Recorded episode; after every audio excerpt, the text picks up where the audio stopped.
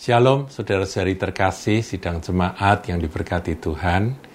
Dalam suara gembala kali ini, saudara, karena ini waktunya sudah dekat dengan peringatan akan Paskah, saya akan mengajak saudara merenungkan mengapa orang-orang Yahudi begitu membenci Tuhan Yesus, begitu marah pada Yesus, sehingga ingin membunuh Dia. Padahal yang dilakukan oleh Tuhan Yesus adalah kebaikan. Dia menyembuhkan orang sakit, dia membuat mujizat yang bermanfaat bagi semua orang. Lima roti, dua ikan mengenyangkan lima ribu orang. Ya, dia melakukan banyak perbuatan baik, ngusir setan, dia juga mengajarkan akan kebenaran dan pengajarannya itu powerful sekali diakui Mengapa uh, mayoritas orang-orang Yahudi menolak dan membenci dia dan bahkan ingin membunuh dia? Ya. Saudara, kalau secara rohani jelas karena ada roh jahat, ada kuasa iblis yang menguasai mereka sehingga mereka ingin membunuh Yesus. Tetapi eh, ada kisah di dalam Yohanes pasal yang ke-10.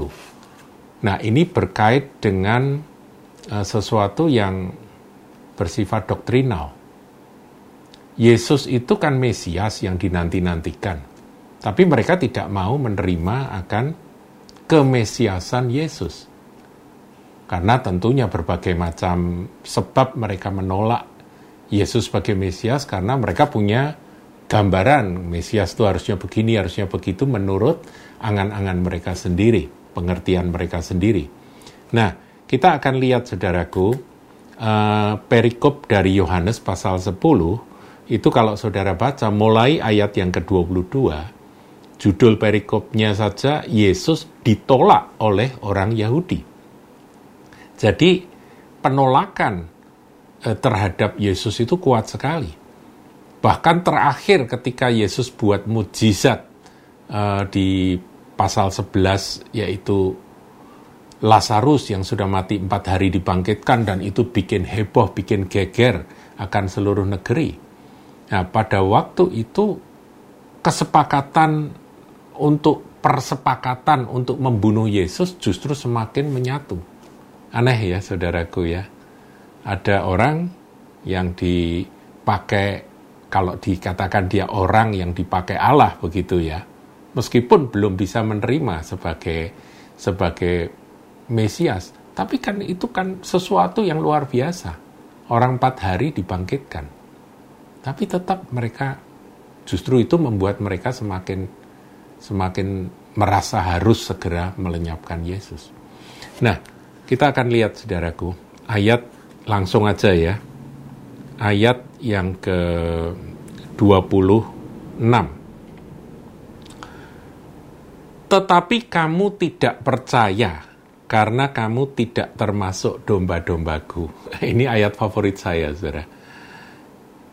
Orang yang tidak percaya pada Yesus, ya memang selama ada kesempatan kita tetap memberitakan akan Injil, memberitakan kabar baik pada mereka, mendoakan mereka, karena ketidakpercayaan itu kadangkala merupakan penghalang yang nantinya akan bisa ditembus dan orangnya bisa percaya. Itu sering kali terjadi. Tetapi kalau orang tetap tidak percaya, di sini sampai ketemu Yesus sendiri, melihat bagaimana Yesus bikin mujizat, mereka mendengarkan bagaimana pengajaran Yesus yang begitu penuh kuasa dan kebenaran, tetap mereka tidak percaya, Yesus berkata, tetapi kamu tidak percaya karena kamu tidak termasuk domba-dombaku. Ya, ya ini, kita nggak nggak bicara predestinasi, saudaraku. Kita bicara pasca destinasi menurut saya. Artinya apa? Artinya orang kalau sudah didengar firman berulang kali, dengar Injil berkali-kali, tetap menolak, mengeraskan hati, menolak sampai hari matinya, ya sudah, mereka tidak termasuk domba-dombanya Kristus. Nah, sekarang ayat 27. Domba-dombaku mendengarkan suaraku dan aku mengenal mereka dan mereka mengikut aku. Kita sebagai domba-domba Tuhan Yesus, kita harus mendengar suara Dia dan kita harus belajar mengenali akan suara Dia dan kita harus mengikut Dia.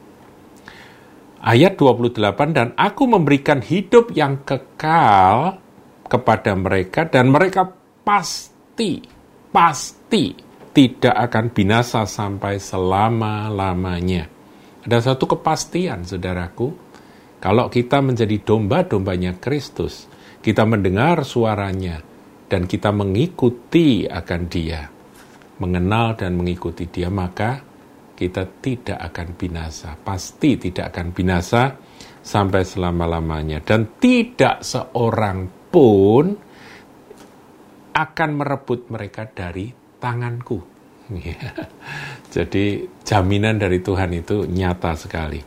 Kemudian Bapakku yang memberikan mereka kepadaku lebih besar daripada siapa pun, dan seorang pun tidak dapat merebut mereka dari tangan Bapa. Nah, di sini Tuhan Yesus menyebut Bapa, Bapa yang Maha Kuasa, Allah Bapa, yang mana eh, lebih besar dari apa pun juga, dan seorang pun tidak dapat merebut mereka dari tangan Bapa. Jadi kita ini aman sekali ya.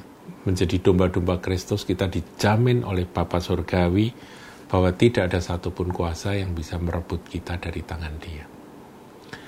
Kemudian ayat 30, saudara. Ayat 30 ini merupakan satu ayat yang susah sekali diterima oleh mereka-mereka yang bukan domba-dombanya Kristus. Dikatakan Aku, Yesus, dan Bapa adalah satu. Jadi, ego kaihopater and esmen, itu dalam bahasa Yunaninya, aku dan Bapa adalah satu. Itu sebuah kebenaran yang luar biasa yang hanya bisa diterima oleh orang yang percaya bahwa Yesus adalah Sang Firman yang menjadi manusia dan Firman itu adalah Allah. Yohanes 1 ayat 1. Nah, saudara, rupa-rupanya ini yang ditolak mentah-mentah oleh orang-orang Yahudi. Karena apa? Di ayat 31 dikatakan ketika Yesus berkata, Ego kaiho pater en esmen, sekali lagi orang Yahudi mengambil batu untuk melempari Yesus sudah sudah ambil batu hanya karena memang belum waktu Tuhan untuk mati karena dia harus mati di kayu salib ya batunya nggak bisa dilempar itu kebetar tangan mereka. Tapi mereka sudah siap-siap untuk merajam Yesus. Nah kenapa mereka bersikap seperti itu saudara nanti kita akan lihat. Ayat 32, kata Yesus kepada mereka, banyak pekerjaan baik yang berasal dari Bapakku yang kuperlihatkan kepadamu. Pekerjaan manakah di antaranya yang menyebabkan kamu mau melempari aku? Tuhan Yesus berkata, salahku ini apa? Aku nih kalau melakukan karya pekerjaan itu semua kan demi kebaikan umat manusia, demi kebaikan kalian. Yaitu tadi yang sudah saya sebutkan. Orang sakit disembuhkan, dirasuk setan dilepaskan, yang mati dibangkitkan, yang apa itu yang jahat bertobat, ya orang-orang berdosa pada bertobat, ada sakeus, pemungut cukai yang bertobat dan sebagainya. Saudara, salahnya apa? Kemudian ketika eh, mereka kelaparan, Yesus buat mujizat lima roti dua ikan, mengenyangkan lima ribu orang. Jadi apa yang membuat pasalnya? Apa yang membuat kamu ingin melempari aku dengan batu? Demikian kata Yesus. Nah kemudian ayat 33 ini kuncinya saudara. Jawab orang-orang Yahudi itu bukan karena suatu pekerjaan baik maka kami mau melempari engkau. Jadi yang baik-baik itu kami terima. Melainkan karena engkau menghujat Allah. Dan karena engkau sekalipun hanya seorang manusia saja, Yesus kan manusia, saudara, sosok manusia, menyamakan dirimu dengan Allah. Kata menyamakan itu bisa juga diartikan menyetarakan, menganggap diri setara dengan Allah atau sama dengan Allah. Nah, di sini kunci. Jadi kalau ada orang yang hanya menganggap Yesus itu sebagai manusia biasa atau sebagai nabi yang dipakai Tuhan, diurapi Tuhan, seperti nabi-nabi di Perjanjian Lama, ya mereka bukan Kristen. Mereka bukan domba-domba Kristus.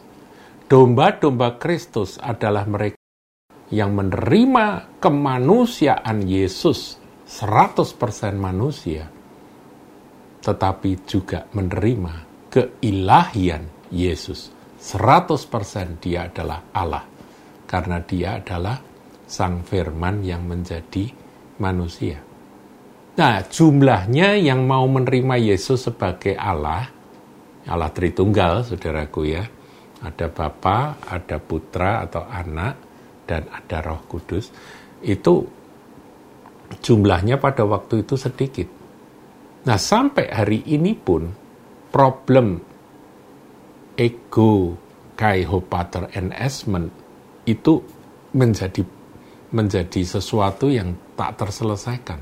Ada begitu banyak, bahkan di kalangan Kristen, kita banyak bidat-bidat Kristen yang seperti saksi Yehova, kemudian Mormon, kemudian uh, Unitarian, dan ya beberapa aduh Delvia, ada banyak saudaraku. Itu semua selalu menolak ego kaihopater enhancement. Ataupun menafsirkan ayat itu semau mereka. Bukan Allah Yesus itu. Dia hanya manusia.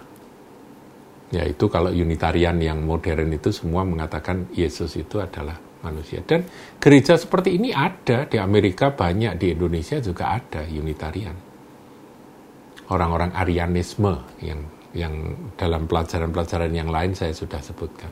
Nanti lain waktu saya akan bicara di dalam suara gembala ini tentang Arianisme secara lengkap. Jadi demikian saudara, ini sesuatu yang sangat prinsip. Yesus dianggap manusia yang mau jadi Allah begitu. Padahal dia adalah Allah yang jadi manusia, jangan dibalik dong. Ya kan? Yohanes 1 ayat 1 dengan jelas katakan, pada mulanya adalah firman, firman itu bersama-sama dengan Allah, dan firman itu adalah Allah. Firman itu adalah pencipta, ayat 3, ayat 10. Kemudian uh, firman itu telah menjadi manusia, ayat 14. Jadi itu jangan dibalik, seakan-akan dia manusia yang karena karena dia uh, apa uh, diurapi Tuhan kemudian dia pengen jadi Allah begitu enggak enggak demikian pada hakikatnya dia adalah Elohim itulah Tuhan Yesus kita. Jadi saya berharap kita clear ya kekristenan kita clear. Jangan sampai terpengaruh oleh kelompok-kelompok yang yang punya pandangan seperti itu. Apakah Yesus manusia? Iya. Orang yang uh, kelompok yang mengatakan Yesus bukan manusia juga salah. Karena Mesias itu adalah juru selamat, yaitu firman yang menjadi manusia. Demikian, saudaraku, suara gembala kali ini. Tuhan Yesus memberkati.